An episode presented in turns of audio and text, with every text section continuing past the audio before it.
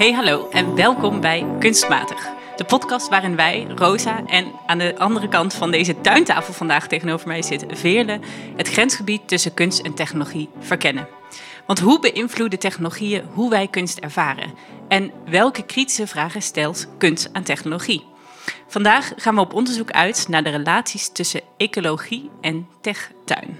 Ja, en dat doen we, zoals Rosa al zegt, niet zomaar ergens, maar midden vanuit een kas in Utrecht bij Oud-Amelis Weert, een landhuis net buiten Utrecht. We zijn hier op de fiets kunnen komen, helemaal door het groen, geit ontsnapt, alles, heel avontuur. Ehm, en hier vanuit deze kast zitten we omdat er een tentoonstelling opent dit weekend in het landhuis en rond het landhuis in het groen, gardening, uh, expositie, die precies gaat over dat thema waar we het vandaag over gaan hebben. Over natuur, technologie, ecologie en hoe kunst die verschillende assen, gebieden met elkaar in um, relatie brengt. In de tentoonstelling zijn allerlei werken te zien. Dat kun je zien in het landhuis van Oud-Amelisweert, die een hele, lange historie heeft. Maar ook daarbuiten, er zijn uh, rondleidingen. En zoals uh, Veerle al zei, wij zitten vandaag nu in een kast. Het is lekker warm. En er is voor het eerst publiek bij. Dus welkom allemaal. Leuk dat jullie heel er zijn. erg welkom. voor ons even wennen, maar heel gezellig dat jullie hier uh, in onze kast zijn komen zitten. Even voor de luisteraar thuis. Het is hier ongeveer, hoe warm zou het hier zijn? Wat 25, 26 graden? Ja, hè? Zeker, richting, richting de 30. 30. dus als jullie denken, goh, wat, uh, wat, een, wat een oververhit gesprek, daar komt dat door. um, hoe dan ook, we zitten hier dus in een tentoonstelling die niet zomaar over tuinieren, niet zomaar over gardening gaat, maar echt reflecteert op deze groene plek net buiten de stad en nadenkt over de rol van technologie in de natuur vandaag. Um, en hoe kunst zich tot die dingen verhoudt, hoe technologie en natuur misschien wel onderdeel zijn geworden van dezelfde ecologie vandaag de dag. Een hele hoop hele grote thema's. Maar toen wij van de week en vanochtend door het landhuis uh, banjerden met z'n tweeën om de werken te ontdekken in de tentoonstelling, werd het ook al heel snel duidelijk dat er ook heel veel concrete kleine exploraties gedaan worden en zijn gedaan door de kunstenaars die uh, werk voor deze tentoonstelling hebben gemaakt. Wat heel bijzonder is dat heel veel afgestemd is op hier, op deze plek. Heel specifiek grote thema's, maar teruggebracht naar een specifieke plek in Nederland, in Utrecht, in deze omgeving. Ja, en dat is natuurlijk ook niet van niks. Want de plek waar we nu zitten uh, is heel vaak het onderdeel van politieke debatten als het gaat over natuur en technologie en cultuur. Eigenlijk onze relatie als mens daartoe ook. Uh, het is namelijk zo dat hier een snelweg in de buurt is die ze gaan verbreden. En jarenlang zijn er allerlei mensen die komen protesteren tegen het uitbreiden van die snelweg, omdat ze zich zorgen maken over het bos dat daarmee verloren gaat. Dus we zitten niet zomaar in een landhuis, maar in een landhuis die die, die plek op zichzelf roept al heel veel vragen op over hoe bewaren we de, natuur, uh, wat vinden we belangrijker, natuur, technologie, de mens. Ja, en we hebben al even het woord ecologie laten vallen. Hè? Uh, eigenlijk is dat een manier van denken, heel kort, die stelt dat dingen met elkaar in verbinding staan. Dat ze onderdeel zijn van hetzelfde ecosysteem. En ik denk dat die, uh, die vraag, die gedachte van... maar hoe dan? en waar dan? Dat die centraal staat vandaag in wat wij allemaal gaan bespreken. Want waar we ons mee bezig gaan houden het komende uurtje... is uh, wat is de natuur van technologie... maar ook welke technologie ligt er in de natuur verscholen die twee kanten. Dus hoe zijn ze afhankelijk van elkaar, verbonden met elkaar? Misschien kunnen ze elkaar dingen laten zien of leren die ze nog niet kenden. Dat gaan we een beetje ontdekken de komende, uh, de komende items. En zoals jullie van ons gewend zijn, gaan we dat natuurlijk weer doen aan de hand van twee concrete kunstwerken. Maar voor de first time, voor de allereerste keer, eh, schuift er ook een kunstenaar bij ons aan. Uh, dus na het eerste item uh, gaan we ook in gesprek over een van de kunstenaars die een uh, werk op de tentoonstelling gemaakt heeft. Precies, en we hebben altijd een gadget en dan moeten we zelf het proefkonijn zijn. En vandaag gaan we mensen in het publiek zitten. Dus wie weet zit daar ook wel een proefkonijn tussen. um, laten we van start gaan. Rosa, wat heb jij vandaag meegenomen? Ik uh, heb een werk meegenomen wat ik op deze tentoonstelling heb gezien. En dat sluit meteen heel erg aan bij de thema's waar we het net al kort over hebben gehad. Het namelijk uh, Forensic Undergrowth van Cream on Chrome. Een design studio die in Rotterdam gevestigd zijn. En bestaat uit Jonas Althaus en Martine Huin. En ook in samenwerking met Lindsay Bundel, die hier ook aanwezig is. Heel leuk dat je er bent. Um, dit designduo uh, specialiseert zich eigenlijk heel erg in het stellen van sociaal en politieke vraagstukken. En dat weer vertalen naar kunstwerken. Dus er kunnen installaties zijn, uh, interactieve elementen. Uh, en in deze tentoonstelling is het eigenlijk een werk wat heel erg gaat om dat vraagstuk rondom de uitbreiding van de A27. En wat er gebeurt, het is een interactieve installatie, ik zal er zo iets meer over vertellen, maar um, wat er gebeurt is eigenlijk dat het werk verschillende stemmen in dat debat naar voren haalt, die we normaal niet zo snel horen, of eigenlijk nooit horen. Het gaat namelijk niet om de buurtbewoner of uh, de bossenwachter of de persoon die heel graag in zijn auto uh, langsrijdt. Maar het gaat over wat betekent het om zo'n snelweg uit te breiden voor de bomen of voor het water of voor de vleermuizen die zich hier ook bevinden. Maar hoe, neem ons even mee. Je komt uh, de ruimte binnen en dan? Je komt de ruimte binnen in dat prachtige oud-Armedische Weert uh, landhuis. En dan. Ja, uh, even voor. Stel je voor hoge plafonds, oude behangen, een krakende houten vloer. Daar ben je, hè? even voor je, voor je wild. Je voelt dat zich daar heel veel mensen hebben gewoond, dat daar heel veel dingen zijn gebeurd. Dat voel je, dat zit in die ruimte. Nou, en dan staat er eigenlijk een, een half rondje met verschillende zuilen, met daarop objecten. En in het midden staat nog een ander zeiltje met een rondje. En daar staat dan aangegeven, plaats hier een object. Nou, ik ging daar naartoe en ik dacht, plaats hier een object. En toen dacht ik, nou, ik weet, Iedereen gaat hier sowieso bijvoorbeeld zijn telefoon neerleggen. ik wil wat anders. Dus ik dacht, ik trek mijn schoen uit, ik zet mijn schoen op dat object en ik kijk wat er gebeurt. Um, Helemaal niks. Toen gebeurde er niet zoveel. Toen keek ik nog een keer beter. Toen begreep ik dat de objecten die daaromheen stonden, dat het de bedoeling was dat je dat in het midden zou plaatsen. Dus nou ja, als, je als, straks, als, je, als jullie straks gaan kijken en ook de luisteraar, als je het, de, de Gardening Expo gaat bezoeken, hou je gewoon een beetje aan de regels. Plaats gewoon een van de objecten die daaromheen staat en kijk wat er dan gebeurt. Ik plaatste uiteindelijk het goede object, um, waarop stond water. Dat was een heel mooi, ja, hoe zou ik het omschrijven? Een ja, klein kunstwerk. Een soort ijzeren paaltje uh, het leek een beetje op waar je je toiletrollen op zet.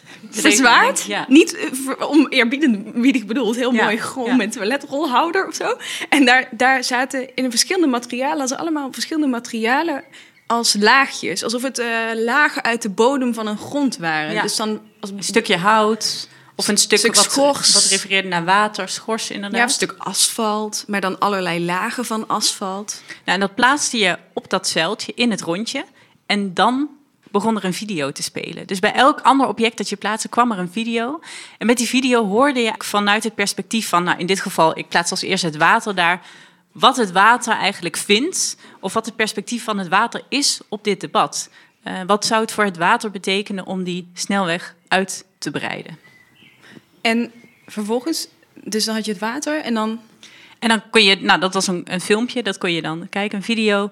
Eh, plaats je het water weer weg, dan kun je weer een ander perspectief kiezen. En het begint als een leuk interactief spel eigenlijk. Je bent gewoon benieuwd wat gebeurt. Ik zet het object hier op, er komt een video. Wat zie ik, wat wordt daarin verteld? Maar ik merkte dat naarmate ik langer naar het werk ging kijken... en al die verschillende perspectieven zag... dat, dat ik me realiseerde dat dit perspectieven zijn... die ik niet zo snel in acht zou nemen in zo'n discussie en die we niet zo snel horen. Want um, welke, bij, waar begon dat te dagen, weet je dat Ik denk vooral bij het werk over de bomen.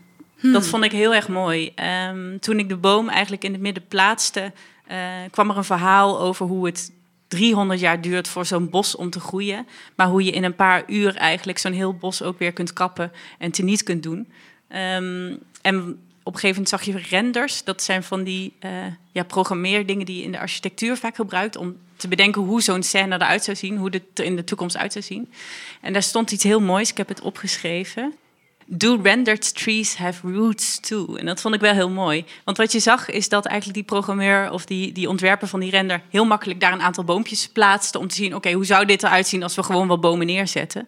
Maar het maakte eigenlijk heel concreet voor mij hoe dat niet zo werkt. Hoe natuur mm, jaren de tijd heeft nodig heeft om te groeien, hoe dat is letterlijk uh, verworteld, wortels in de omgeving zijn. En wat het eigenlijk betekent om dat zomaar weg te halen. Maar je kiest het boomperspectief als het perspectief dat je aan het denken zet. En ergens vind ik dat ook wel weer een voor de hand liggend mm. perspectief. Of een, laat ik het zo zeggen, een sympathiek perspectief. Maar er was bijvoorbeeld ook verkeer. Hoe ervaarde je dat dan? Nou, wat ik daar interessant aan vond, is dat het, ja, het werd echt een interactieve rechtszitting. Dus je zag hoe die verschillende um, perspectieven gewoon niet met elkaar zo makkelijk met elkaar samen te brengen zijn. Dus voor het voor verkeer is het alleen maar fijn dat we gewoon meer ruimte hebben om te rijden, dat mensen niet in de file hoeven te staan, dat ze lekker door kunnen rijden.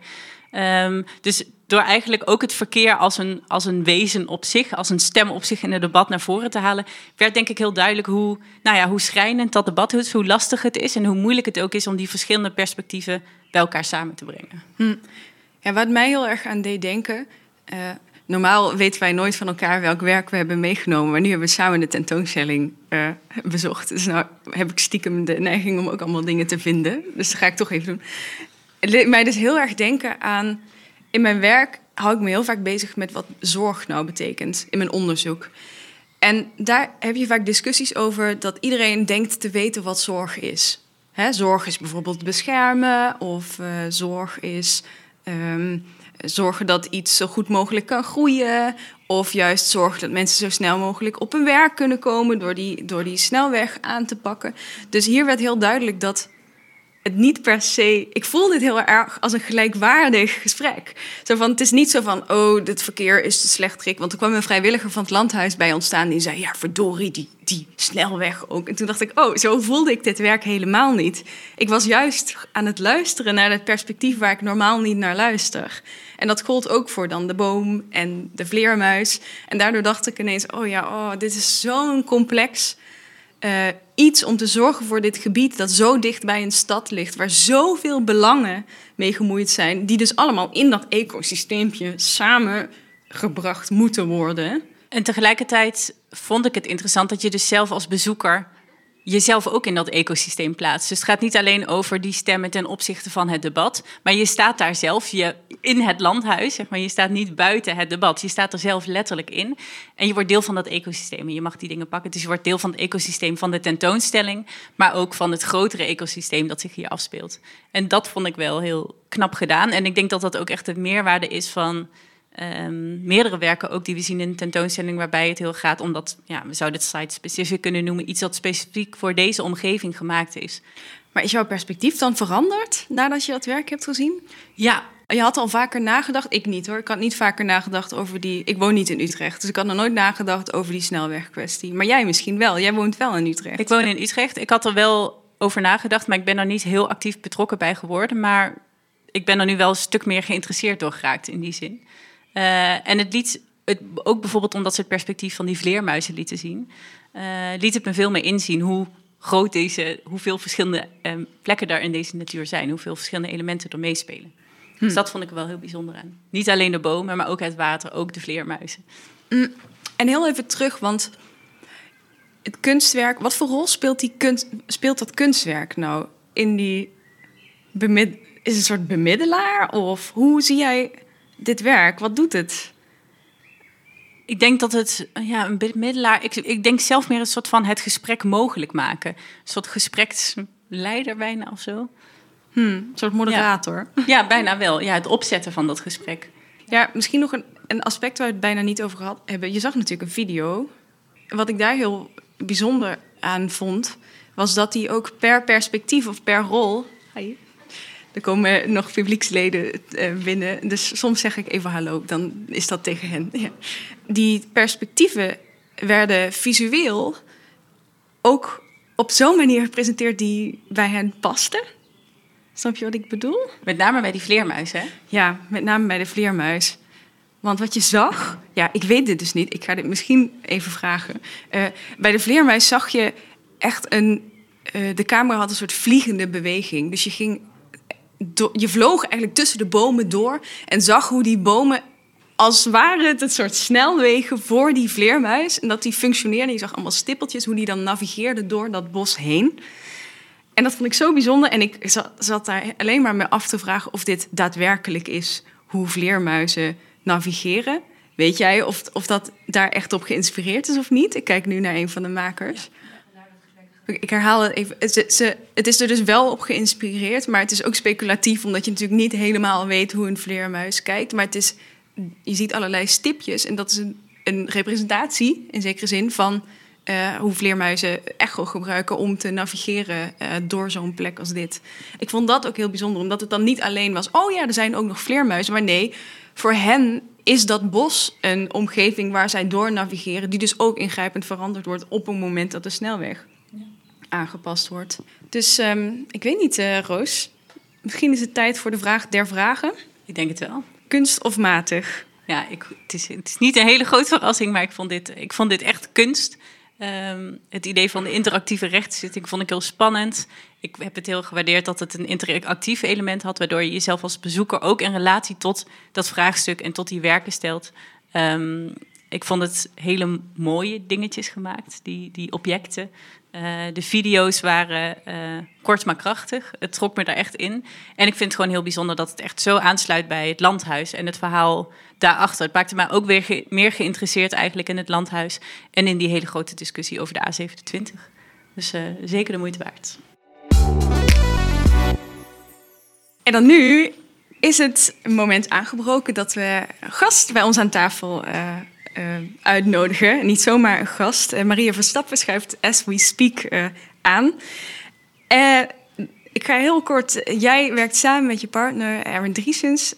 Driesens en Verstappen werken al sinds 1990 als kunstenaarsduo samen.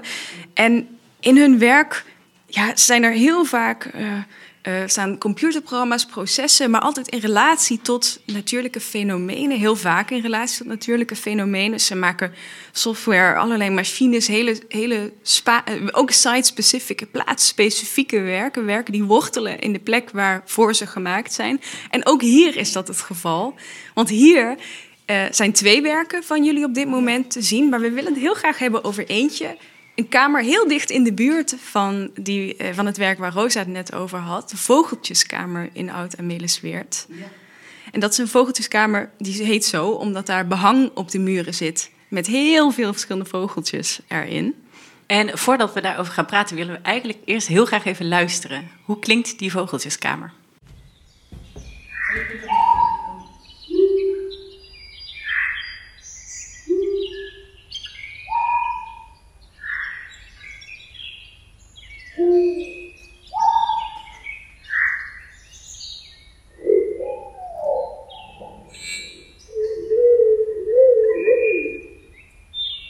We hebben heel veel tijd gespendeerd in de kamer gisteren.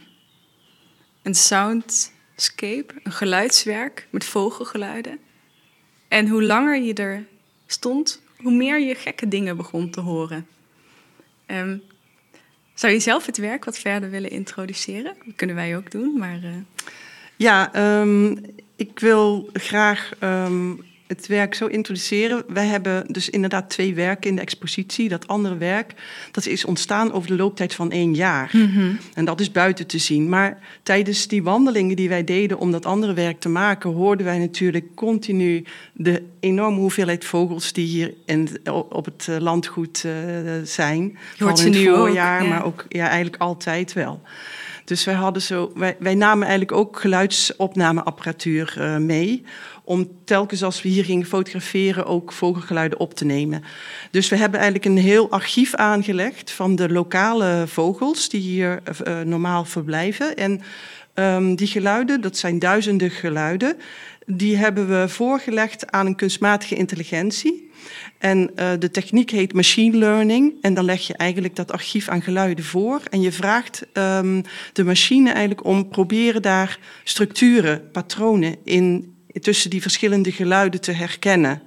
En dat uh, is een leerproces dat, dat verloopt over een aantal dagen. Hmm. In het begin is het een beetje gesis en een beetje, uh, een beetje knullig uh, proberen wat te, wat te fluiten. Eigenlijk een beetje zoals wij als we kind zijn ook proberen te, te fluiten. Spreken, ja. ja. dus je probeert wat en dan... Um, en telkens uh, is er een, een, intern feedback systeem in dat machine learning die beoordeelt in welke mate dat al, al, goed is of, of juist niet. En zo, uh, door die feedback, leert het systeem in een, in een bepaalde tijd uh, in de buurt te komen van wat een vogel doet. Maar het blijft natuurlijk toch een machine. Dus het blijft toch uh, behelpen. Bovendien zijn wij ook niet uit op perfecte reconstructie. Hè, een soort deepfake. Um, daar zijn we niet op uit. Omdat dat dan helemaal niet meer tot denken zet. Dan hoor je gewoon vogelgeluiden. Wij, zitten, willen net op dat grensvlak zitten. Dat je nog wel hoort uh, dat het een andere oorsprong heeft. En dat het wel aan een vogel doet denken. Dus een oppervlakkige luisteraar die loopt binnen en die zegt... oh, hier staat een bandje op uh, met vogelgeluiden. Maar iemand die net iets meer weet of wat intensiever luistert, die hoort best wel gekke geluiden, wat jij al zei. En dat is net het moment wat wij interessant vinden. Dat mensen dan denken, het is toch wel een beetje eerie ook wel. Precies dat woord inderdaad. Ja. Laat zich slecht vertalen. Ja, het viel ons op dat, um, ook omdat je visueel vogeltjes ziet, dat het bijna is alsof je die vogeltjes hoort fluiten. Uh, en inderdaad, op het begin ervoer ik het zelf als iets heel natuurlijks. En gaandeweg dacht ik, dit klopt niet. Onder, het, fragmentje dat we hebben laten horen, hoor je ook bijna een beetje soort glitches. Of een, ja, een heel technologisch geluid. Beetje, een beetje mechanisch, elektronische piepachtige mm -hmm. dingen of ruisachtige dingen zitten erin. En um, ja, wij, wij uh, uh, we vinden het leuk dat, dat het inderdaad niet direct. Uh, ook te, er is een vorm van interactie of een soort van responsief uh, soundscape. Dus, het, dus jouw aanwezigheid heeft een bepaald effect. Ik weet niet of jullie dat ook hebben gemerkt. Ja, dat vroegen we ons af. We waren heel erg aan het proberen. Want als je, ja, het werkt je niet komt heel binnen direct. en dan lees je de tekst en dan zie je daar... Na een poosje luisteren gingen wij dan de tekst lezen die in de ruimte stond. En daar stond inderdaad op, dit werk is ook interactief. Dus het reageert op jouw aanwezigheid. Ja, maar het, het reageert niet, niet uh, op, op een soort uh, directe manier. Hmm. Maar het is meer dat als jij heel plots beweegt, dan jaag je de vogels weg. En dan zijn er de roepjes die meer op een alarmroep uh, lijken. Ook in ah. de natuur hebben vogels een communicatiesysteem... dat ze elkaar waarschuwen voor naderend gevaar of voor direct gevaar. En bij de verschillende soorten is dat wat duidelijker of wat krachtiger dan bij de andere. En dat is bij, bij onze soundscape ook zo. Dat ligt er maar net aan welke vogels op dat moment in de kamer in de nabijheid zijn. Wat, wat, je, dan, uh, wat je dan hoort. Maar um, als je ze hebt afgeschrikt, dan duurt het een tijdje, want ze kijken natuurlijk een klein beetje af, voordat ze weer langzaam terugkeren naar het centrum. Maar dan moet je ook echt rustig zijn en stil zijn, willen ze terugkomen. Ik denk dat dat is wat wij gemerkt hebben. Op een, Op gegeven, gegeven moment begon ze prachtige geluid te maken tot een soort oehoe. Ja. ja, en toen ging jij, ja, want we waren natuurlijk aan het proberen, aan het testen. Hè? Dus toen ging jij heel hard, want die vloer maakt best veel geluid. Dat is die houten vloer. Ja. Dus als je dan even. even nee, maar door... het, het, het werkt niet op geluid. Nee, het op maar beweging. er zit een uh, klein cameraatje, ah. die staat op de schouw. Mm -hmm. En die overziet de, de, hele ruimte met een soort fisheye uh, lens. En die kan dus eigenlijk uh, alle bewegingen zien met een video um, tracking. En daar reageert het op, dus niet op geluid. Nee, precies. Maar dat, ik, om dat geluid te maken, ging zo ja. door die ruimte stompen. Ja, maar, dat, maar. Ja, nee, maar die, dan ja, heb je wel dat bewogen. Is het. Ja, dat is het. Toen merkte op een gegeven moment, hé, hey, nu gebeurt er wel wat. Wat een hele bijzondere uh, dynamiek aan die ruimte uh, toevoegde.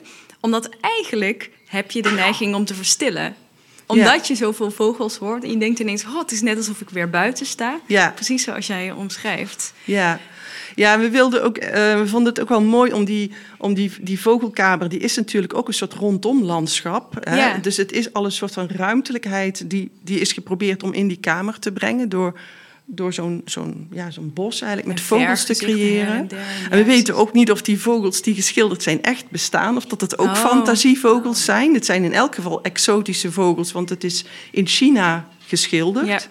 Dus, um, dus we wilden eigenlijk daar een laag aan toevoegen. Eigenlijk is het werk, um, ja, is, is, heeft een aanwezigheid, maar je kunt ook nog steeds heel goed gewoon de kamer met het behang en zijn historie bekijken. Het, doet geen, het is niet echt een interventie die inbreuk doet op die beleving van de kamer zelf. Want die is eigenlijk te mooi om eigenlijk iets. Daar, ja, daar kan je, kan je als kunstenaar eigenlijk moeilijk tegenop uh, boksen. Nee, precies. Maar de, op deze manier wordt er heel veel aan toegevoegd. En wat we ons afvroegen, uh, jullie hebben dus een jaar lang die geluiden opgenomen. Uh, jullie hebben daar veel door deze ruimte of deze omgeving gelopen.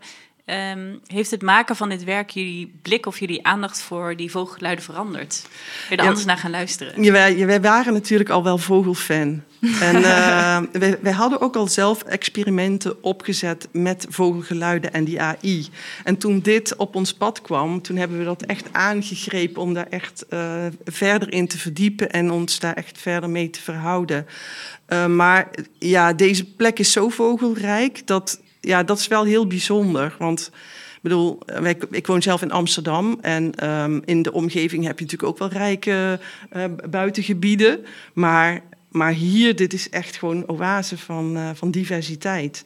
En dat merk je eigenlijk meteen als je dat, dat landgoed instapt. Dan kom je ook in het lijkt alsof je even in een andere tijd stapt. Waarin, nog, hè, uh, waarin de biodiversiteit gewoon al uh, groter was. Als nu in het algemeen zo is. Dus hier, en, en het staat wel onder druk. Dus, ja. uh, dus, en daarom is het zo belangrijk om, om, om, dat, om dat te behouden. Omdat dat klimaat hier voor die vogels, want die bomen, dat zijn enorme hoge bomen. Dus die kunnen enorm veel verschillende soorten en aantallen vogels huisvesten. Dus uh, hmm. ja, dat, dat, dat realiseer je heel sterk, hoe dat allemaal samenhangt. Maar wat is dan voor je, volgens volgens jou, volgens jullie, de, de, de plek van die technologie daarin? Hoe hangt die daar dan mee samen? Of is dat een soort iteratie die jullie hebben toegevoegd? Ik vraag me dan toch af hoe dat ook wederkerig is of niet. Ja, ik denk dat voor ons um, het, het, experimenteren met technologie is een, uh, voor ons een, een, een onderzoek naar nieuwe manieren waarop je um, zeg maar, uh, in de kunst kunt communiceren. En um, eigenlijk is technologie is inmiddels echt onderdeel geworden van onze natuur, zou je kunnen zeggen. Dus je, je, je kunt dat eigenlijk niet meer, uh, je kunt dat niet meer uh, onderscheiden of tegen elkaar over elkaar zetten. Het is een symbiotisch bestaan eigenlijk van ons als mens. En, um, en ik vind ook dat we daar het beste van, van moeten, moeten maken. En ook daar ons bewustzijn over de natuur ook uh, mee kunnen onderstrepen. En het is juist vaak um, dat je via die technologie, bijvoorbeeld de vogeltjeskamer en die AI-geluiden. Kijk, natuurlijk is het zo dat we wel weten dat onze aanwezigheid als we buiten lopen effect heeft op de vogels, want dat merk je ook. Maar door het juist in een afgesloten ruimte, een huis, iets wat van eigenlijk onze habitat is om, om het daar te laten afspelen, krijg je net een iets versterkte uh, beleving van die aanwezigheid en uh, van, die, van die vogelgeluiden. Dus, um, dus het is net die kleine vervreemding eigenlijk die, uh, die je maakt mm -hmm. met die technologie, die dan net uh, een andere belevingslaag kan toevoegen dan wanneer je buiten zelf loopt in de natuur. Maar we hopen wel dat het zijn weerslag heeft daarop. Nou, en ik wou net zeggen, terwijl we dit gesprek hebben, hoor ik hier ook allemaal vogels uh, waar ik me, nee, die ik misschien niet zo bewust had, had, had gehoord als we het werk niet hadden gezien, als ze er zo niet over zouden hebben. Dus ik denk dat heel veel mensen het landhuis uit gaan lopen en uh, eens even wat beter gaan luisteren naar wat ze precies horen. Heel erg bedankt. Uh, ja, graag gedaan. Ja, Veerle, dan uh, wil ik ook heel graag aan jou vragen. Wat heb jij vandaag meegenomen? Van vogels gaan we naar spinnen of krabben. We weten niet helemaal wat voor dier het moet voorstellen. Maar wij vonden het op een spin lijken. Ik heb het werk um, Microcosm, dus Microcosmo, van uh, Christy Westhovens meegenomen. Dat is ook een werk hier in het landhuis dat haar eigen kamer heeft. En ik zeg haar, want het werk heeft een koosnaam, daar kom ik zo. Um, wij kwamen een kamer binnen die bijna helemaal leeg was. Houten vloer, ook weer prachtig behang, dit keer zonder vogels, maar alsnog twee schermen die um, uh, horizontaal stonden, richting de grond. Dus je moest zo naar je voeten kijken om de schermen te zien. En op het ene scherm zag ik uh, een soort Google uh, Earth van bovenaf. Dus een stratenplan van een stad die ik niet per se herkende, kan aan mij liggen. En daarnaast zag ik nog een soort abstracter stratenplan. Bruin, beige, allemaal lijnen. En als je even beter keek, bleek dat de link, het linkerscherm foto's liet zien die een klein robotje dat verderop in de ruimte bezig was, um, aan het maken was. Dus wat er in die ruimte stond was een klein, ik denk zo groot als een boterhammetrommeltje, iets groter misschien, uh, robotje met pootjes, een soort krabben, spinnen, insectenpootjes, uh, met allemaal draadjes erbovenop.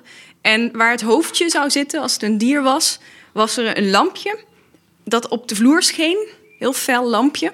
En dus blijkbaar een cameraatje.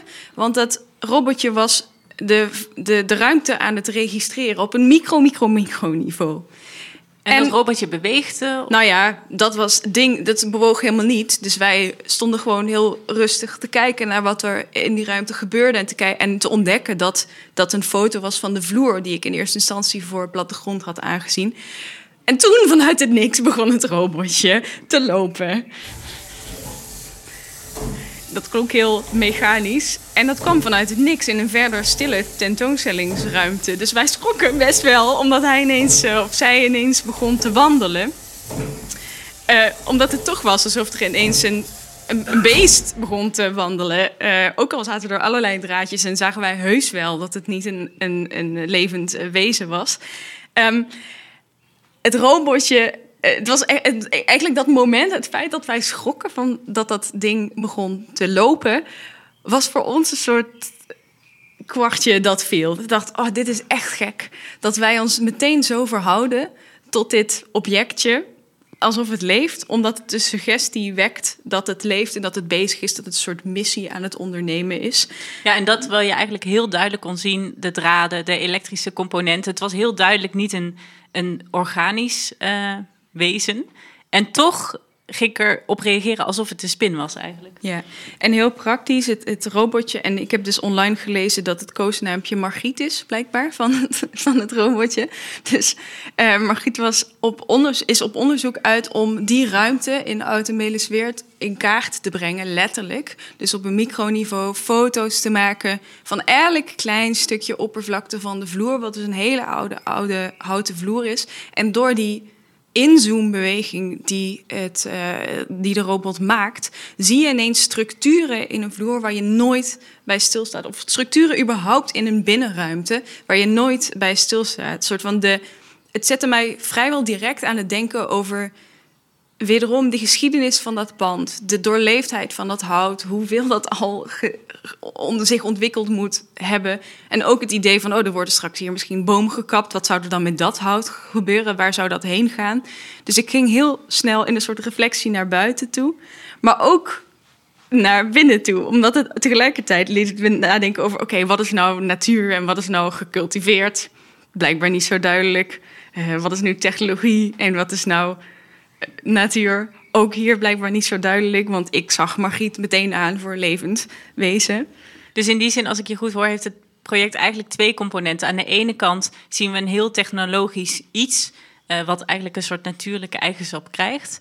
Uh, tegelijkertijd laat dat technologische robotje of Margriet um, ons iets zien wat we met onze eigen menselijke ogen niet zo snel kunnen zien. Het zoomt heel erg in op die structuren van die vloer. Precies, van het, maakt, het maakt eigenlijk dat je ziet dat dat een microcosmos is waar je overheen loopt. Ja. Dus het biedt ons eigenlijk een nieuwe, ja, nieuwe blik, een nieuwe lens, een nieuw perspectief. Ja. ja, en ook hier, ook net als bij de Vogeltjeskamer, is dit een werk dat werkt met machine learning. Dus dat, dat, uh, Margriet leert terwijl ze bezig is. Dus eigenlijk is zij continu aan het werk uh, tijdens de, de looptijd van deze tentoonstelling om beter begrip te krijgen van dat landschap waar ze op loopt. Um, ja, wat ik daar ook interessant aan vond, is eigenlijk wederom um, dat het ons in relatie tot dat ecosysteem plaatste. Uh, zij is aan het werk, zij registreert daar de vloer, het hout, de schilfers die zijn, daar zijn achtergelaten. En ik mhm. bedacht me ook, wij, wij zijn nou hier. Uh, wij verstoren eigenlijk, of niet, maar we veranderen sowieso door hier aanwezig te zijn iets aan dat ecosysteem. Of dat onze adem is, of we zitten in een kas. Ik kan niet, we zitten in een kas. We zijn as we speak daarmee bezig waarschijnlijk. Ja. Uh, of een haar dat je laat vallen, of dat verandert iets aan die ruimte. En dat is iets wat dat robotje wel zou kunnen registreren. Hmm. Ja, precies. Ik denk dat je heel mooi die twee dynamieken uh, uh, benoemt. En dat vind ik zo leuk aan, omdat ik denk, als je het werk bekijkt, is in eerste instantie de robot een middel. Dat is de machine learning tool die het mogelijk maakt om zo'n microcosmos, als je ook naar de titel uh, kijkt van het werk, om een plek die je normaal met je menselijke ogen niet als, als landschap of als structuur kunt herkennen, of daar in ieder geval nooit mee bezig bent, die maakt, is het middel om dat mogelijk te maken. Maar ik vond de vorm van het robotje zelf zo sterk in dit verhaal. Omdat het robotje als, als ding, als object precies hetzelfde deed met mij nog een keer op dat andere niveau. Op een niveau waar ik ja, waar ik gewoon heel vrolijk van werd ook. Ja, en dat is natuurlijk het leuke aan kunst en waarom ik ook heel erg de meerwaarde zie van een kunstproject maken over dit soort thema's. Soms kan ik het heel zwaar voelen of moeilijk of ongrijpbaar. Maar op zo'n moment dat wij gewoon schrikken omdat een robotje daar begint uh, te bewegen of omdat we moeten lachen of omdat het ons ontroert, word je er op een affectieve of gevoelsmatige manier bij betrokken.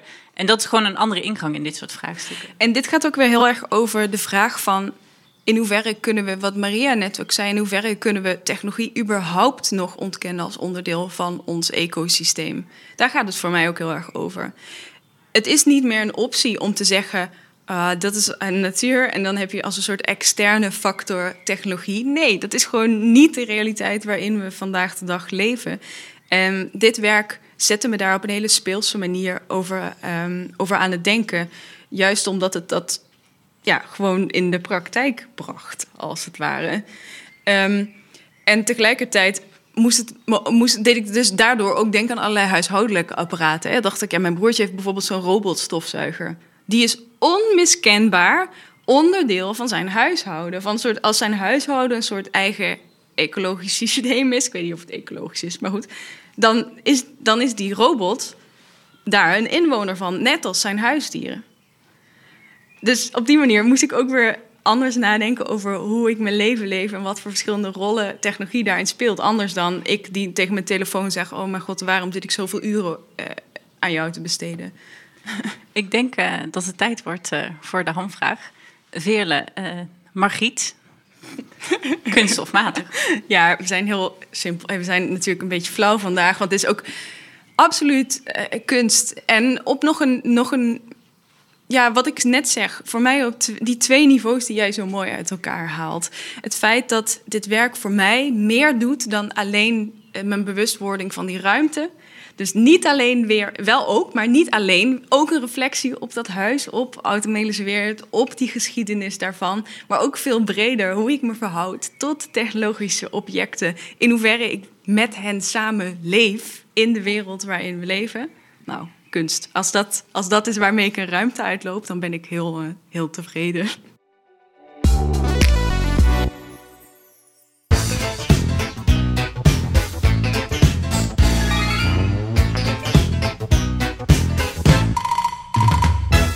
Ja, en dan zijn we aangekomen bij het uh, altijd luchtige intermezzo in onze afleveringen. En dat is de gekke gadget.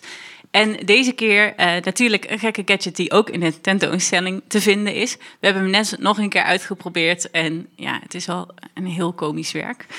Het is het, uh, het werk Legume um, van Katpatat. En het werk, of de gadget, reflecteert op uh, die ene vraag die je altijd alles hebt afgevraagd. Als jij een groente zou zijn, welke zou dat dan zijn? Ja, en wat je al zegt, het is een serie uh, filters die die vraag, die fundamentele levensvraag, uh, uh, je stelt. en je daar ook antwoord op geeft. Ja, we wilden eigenlijk hem meteen even uitproberen, hè? Maar liever niet zelf. Dus. Um... Nou, Fabian, je bent de curator van de tentoonstelling. Wil je heel even bij ons om, aanschuiven? Voordat we dat gaan doen, um, Fabian. Um, wat, wat voor groente zou je zelf denken dat je bent? Of als je een groente zou moeten kiezen, waar identificeer jij je het meeste mee? Goeie vraag. Ja, daar heb ik natuurlijk heel lang over nagedacht. Ja, dat dacht ik. Ja. Uh, ja, ik, nou, ik ben toch seizoensgebonden, dus ik vond asperge toch wel een erg uh, fijne groente om mee vergelijken te worden. Oké, jij bent seizoensgebonden. Ja, zeker. Ja. Hoezo? Ja, daar heb ik niet heel snel heel goed antwoord op, maar... Dat is gewoon een gevoel. Dat is ja. goed. Ja. Groentes gaan ook over gevoel. Asperge is dus de gok. Laten we proberen of dat ook daadwerkelijk de realiteit is. Zit hier ertussen? Ja, Oké, we gaan nu... Uh, weet ik niet zeker. We gaan hem nu even met je uitproberen. Ah. Wat gebeurt er? Een wortel. Een wortel. Ja, een nou, wortel. kwam toch in de buurt, ja. Kun je beschrijven aan ons wat je ziet? Het, het doet me denken aan... Uh, uh, nou, ik zie mezelf met een, uh, een oranje gloed. en die oranje gloed komt niet omdat ik het heel warm heb in deze kas, maar omdat ik een, mijn hoofd verlengd is, onder en boven. Uh, en ik een wortel ben geworden. Ja, heel mooi. Je past heel goed in deze kast, Fabian. Ik voel mezelf op dit moment een beetje een tomaatje. Ja, ik ook. Ja. Ik weet niet of meer mensen dat hebben. Ja. We hebben ook een broccoli, ook heel leuk. Veerle, wil jij nog uh, eentje proberen? Even kijken. Oh ja, tomaatje. Ja, Ja. ja. duidelijk. Klopt. Maar dit, je zegt, oh ja, het ligt toch nog wel in de buurt. Dus wortel kun je ook wel mee. Pas ook wel. ik, ja, zeker. Pas ja. ook wel. Seizoensgebonden, maar anders goed voor de seizoen. ogen, kan ik goed, Goed voor de ogen, ja. Ja. precies. nee, dit is natuurlijk. Deze, deze gadget eh, stelt natuurlijk een, een grappige vraag. Eh, maar tegelijkertijd ligt het heel erg in het verlengde van de tentoonstelling die jullie hebben gemaakt. Eh, die vraag van hoe verhoud je nou tot de natuur? Eh, hoe ben je daarmee bezig? In hoeverre plaats je je daar zelf in? Het is natuurlijk een dikke knipoog om iemand tot een wortel of een tomaatje te maken. Maar toch. En er staat ook in de keuken van het landhu- landhuis. Dat vond ik ook heel eh, toepasselijk. Ja, en dat wil ik ook nog even zeggen. Toen wij eh, dinsdag langskwamen in de tentoonstelling, werd het nog deels opgebouwd. En toen zag ik ook een kunstenaar heel mooi met dunne draadjes een soort lichaam aan elkaar maken. En toen vroegen we van, goh, wat, eh, wat, wat, waar kijken we naar? Eh, waar gaat jouw werk over? Ehm, en toen vertelde de kunstenaar dat hij eigenlijk eh, biodynamisch materiaal had gemaakt. Biomateriaal op basis van bleekselderij. Dus hij had een soort draadjes gemaakt van bleekselderij... waarmee hij een prachtig lichaam in elkaar aan het naaien was. Ja, dus het ging ook op dat niveau inderdaad. Omdat sommige groenten een soort peesachtige structuur hebben... die heel erg overeenkomt met hoe menselijk materiaal opgebouwd is. Ja, inderdaad. Dus nou ja, als je de keuken uitloopt, kun je kijken... ben je een bleekselderij of toch meer een broccoli? Ja. Moet je nog even bijkomen van de wortel? Of valt het mee? Kun je ermee ja. leven? ja. Dankjewel, eh, gedaan. Fabian. Leuk dat jullie er waren. Z- zijn er nog andere vrijwilligers in het publiek? Ja, Paulien? Yes. Heel leuk. Wat, wat denk je? Wat voel jij je? Wat voor... Ja, ik heb geen idee, maar ik krijg hier wel een beetje een existentiële crisis van. Ja, Want het is natuurlijk een belangrijke vraag. ja Dat we moet je zetten je wel jezelf weten. on the spot. Ja, want, want je moet Ja. wel een antwoord Ja. geven. Denk, je. wat, wat, wat, denk, wat vermoed je? Wat Nou, hoop je misschien? Misschien een aubergine of zo? Oh, zien. Oh ja. En een gevoel of zit daar nog een Nee, op kleur. achter? Op kleur. Op goede kleur. Eh, we gaan kijken. Paulien, eh, welke groente ben jij? Een broccoli. Een broccoli. Ja, nou. Helemaal vrolijk. Wederom leuk passend bij de kas. Ja, Wat vind je van het resultaat? ja verrassend. Deze, moet ik nou mijn haar gaan knippen, denk je? Ik weet het niet. Nou ja, het groeit lekker wild. Het ziet er heel Ja. gezond, eh, gezond uit. Beetje groen, maar eh, heel goed. Nou, dankjewel. Dankjewel voor je bijdrage. bij deze tentoonstelling hier in Automede Sfeer, bij de Gardening Expo, is het dus niet alleen een kwestie van diepgravende reflecties. eh, en hele mooie, ook bijna ontroerende werken, wat ik echt van de Vogeltjeskamer bijvoorbeeld eh, vond. Maar ook gewoon kijken of je een broccoli of een wortel bent. Als intermezzo. En ik denk dat dat heel mooi de rijkwijd en ook de humor en de knipogen die erin mogen zitten op het moment dat je het over dit soort complexe thema's eh, eh, mooi omschrijft. Ja, en die interactieve elementen die zitten in, eh, in veel van de werken en zorgen er ook voor dat je jezelf steeds in relatie tot die elementen kunt verplaatsen. Ehm, en misschien ook leuk om te zeggen, in een van onze eerdere afleveringen bespraken we het werk Raumklang. Ja. Ehm, wat destijds in het Eigebouw in Amsterdam te zien was, het muziekgebouw aan het ei. Ehm, en nu is voor deze editie is er ook een andere versie van Raumklang gemaakt. Dus mocht je die aflevering hebben geluisterd en het leuk vinden om dat uit te proberen, dan is dat zeker ook eh, mogelijk hier. Dat gaan wij vanmiddag zeker nog even doen. In ieder geval. Omdat ik ook wel wil horen hoe deze ruimte hier eh, klinkt. Vele, we hebben het eh, gehad over de Gardening Expo eh, aan de hand van een aantal werken. eh, en ook steeds over die vraag van wat is eigenlijk de, nou ja, de natuur in het technologische? Wat is het technologische van de natuur? Hoe hangen die elementen samen? Ehm, ik denk dat wel, wat we hebben gezien zijn een aantal hele grote vragen... waar misschien niet een heel helder antwoord meteen op is... maar waar- waarop de tentoonstelling wel heel veel verschillende ehm, reflecties laat zien. Ehm, en wat ik ook interessant vond, misschien is het een ja, we hebben het denk ik wel deels belicht. Ehm, wat je heel erg ziet in de tentoonstelling is hoe kunstenaars, ook kunstenaars die veel met AI werken of met technologieën, eigenlijk voortdurend weer opnieuw geïnspireerd lijken te zijn door, techno of door de natuur. Dus eh, ze halen inspiratie uit hun werk. Het is de input voor een AI-systeem. En daar komt eigenlijk weer een nieuwe vorm van natuur uit. Dus die wi- wisselwerking die heeft me heel erg eh, verrast. Ja, en wat ik denk ik, ehm, als we terugkijken ook hè, naar de vraag, want we gaan langzaam naar een einde toe werken voordat wij allemaal gesmolten zijn, ook hier in deze kast. Als we terugkijken naar de vraag waar we mee begonnen, hè, de natuur van technologie, maar ook welke technologie ligt er in de natuur verscholen, denk ik dat deze tentoonstelling dat op een hele bijzondere manier, op heel veel niveaus, die vragen belicht. Zoals jij zegt, niet per se om een antwoord te geven, maar om mensen te inspireren om die reflectie aan te gaan. Om zelf na te denken. Waar sta je zelf? Waar staat dit werk? Uh, er wordt letterlijk trouwens een ponskaartje meegegeven op het moment dat je begint. Zodat je zelf kan nadenken bij elk werk.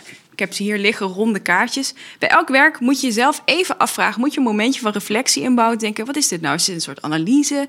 Is het technologie? Is het cultuur? En mijn ervaring was dat ik elke keer moeite had om één kant te kiezen. Omdat het me juist liet nadenken over hoe al die gebieden dus onderdeel zijn van datzelfde ecosysteem. En wat, ik, wat mijn nou, favoriete element hier is, is dat het zo specifiek is hier in het landhuis met allemaal werken die speciaal voor deze plek gemaakt zijn. Of althans een heleboel werken die hier zijn, zijn speciaal voor deze plek gemaakt of afgestemd op deze plek. Dus het laat je denken over deze specifieke situatie met alle politieke conflicten en problemen en vragen. Maar vervolgens ken, kent iedereen wel precies zo'n soort plek, precies zo'n soort conflict dichter bij, of groter of kleiner bij zijn of haar huis. En op die manier neem je dat mee om weer na te denken over die grote dingen als ecologie, zorgen voor de natuur, dingen die soms zo groot en overweldigend voelen dat ik er helemaal niet aan kan beginnen. En dat vind ik heel bijzonder. Dat kunst dat kan doen. Om op die manier toegankelijk te maken voor mij om daar weer een stukje over na te denken zonder dat ik meteen me verloren voel. Ja, daar sluit ik me helemaal bij aan. Um, de tentoonstelling is nog tot en met 31 juli te zien uh, bij Oud Amelisweert in Utrecht. En je kunt meer informatie vinden via Instagram uh, en via gardening.nu. Ja, en natuurlijk als je informatie zoekt, kun je ook altijd naar onze Instagram gaan, het kunstmatig de podcast. Wij delen daar niet alleen de beelden van alle werken die jullie vandaag uh, hebben gehoord, voorbij hebben horen komen, maar ook natuurlijk meer informatie over de tentoonstelling. Um, we moeten denk ik heel hartelijk ook bedanken dat wij hier tijdens dit openingsweekend staan. Oeps. Nou, we moeten nog een aantal dingen zeggen. Dus we, gaan denk ik nog heel even door om het af te maken. Als zet je hem opnieuw aan. Dit kan, dit kan niet allemaal in één keer goed gaan.